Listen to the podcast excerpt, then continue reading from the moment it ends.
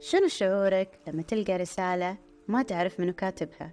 ولما تفتح هذه الرسالة تلقى أن هي تلامس مشاكلك وأحاسيسك بطريقة ما. معكم حنان لدينا راح أقدم لكم بودكاست رسالة من الأعماق. رسائلنا الأسبوعية فيها همسات وأحاديث لا تحكى إلا من عمق النفس البشرية الصافية. أتمنى لكم رحلة جميلة وممتعة مع بودكاستنا. رسالة من الأعماق راح توصلكم كل سبت الساعة ستة بإذن الله وحياكم الله.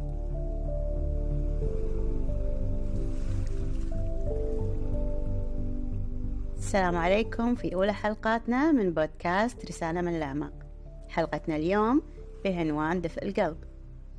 شنو هو دفء القلب؟ ومنو اللي يملكه؟ ومتى نقدر نحس فيه؟ والأهم من هذا كله شلون يفيدنا بحياتنا؟ أسئلة راح نجاوب عليها بحلقتنا بس أول شيء لازم أنوه على شيء. طبعا كلنا نعرف الدفء بالمعنى الاصطلاحي اللي هو الشعور بالحرارة. بس ما نعرف يعني شنو معناته دفء القلب. خلوني أعرفكم على دفء من نوع آخر. كلنا نمر بأيام وضغوطات وتأثر على مزاجنا. بسط هذه الضغوطات في فواصل زمنية ومواقف تعالج هذه المشكلة بدون ما نحس فيها أو نستشعر أهميتها.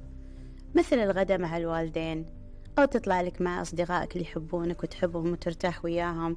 هذه المواقف تخليك تحس شوية بشعور حلو وجميل.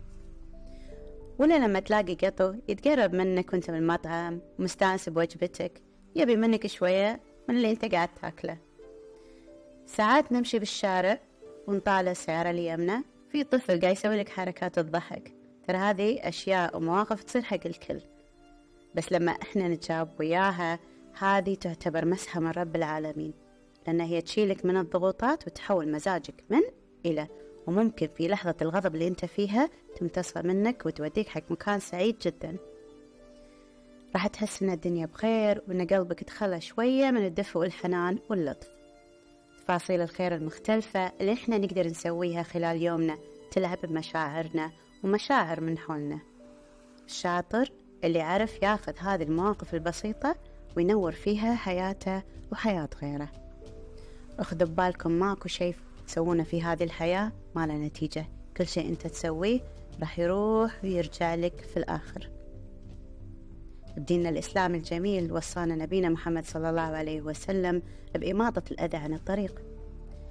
جرب تشيل زجاجة ولا صخرة بوسط الشارع. وشوف شنو الشعور اللي راح يوصل لك لأنك أنت وخرت الأذى هذا عن غيرك من الناس. لما تروح حق محطة البنزين وانت حاسس بهالشعور انقلب ابتسامتك حق العامل اللي قاعد بوسط هاللواهب صدقني هالشي راح يخليك أنت سعيد لأن شفت ابتسامته ترجع لك مرة ثانية. شوف شنو يتغير فيك بلحظة اللطف هذه. ترى ممكن تغير شيء كبير بحياتك وحياة الناس اللي معك. ما قد مر عليكم يوم وكنتوا حيل منفسين ومتضايقين وما لكم خلق أحد. ويصير موقف ينقلكم من الحزن والكآبة إلى درجة الضحك الهستيري اللي ما تدري أصلا ما تقدر توقف.